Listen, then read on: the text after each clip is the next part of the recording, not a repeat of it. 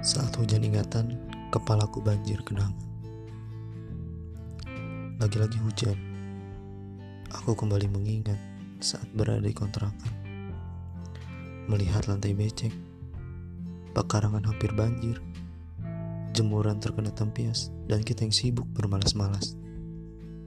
Segala obrolan, keluh dan kesah, diskusi sampai malam larut, kopi mendingin seperti sikapnya, dan gorengan yang tak lagi berbentuk.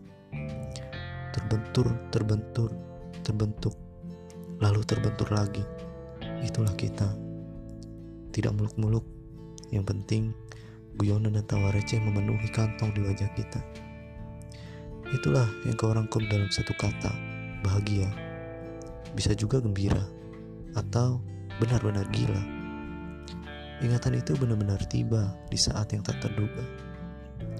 Aku kembali mengais serpi-repi pagi saat kita minta hidangan sarapan seadanya. Nasi goreng, teh hangat, gorengan bekas semalam. Itulah menu pamungkas di saat isi dompet sedang bergegas.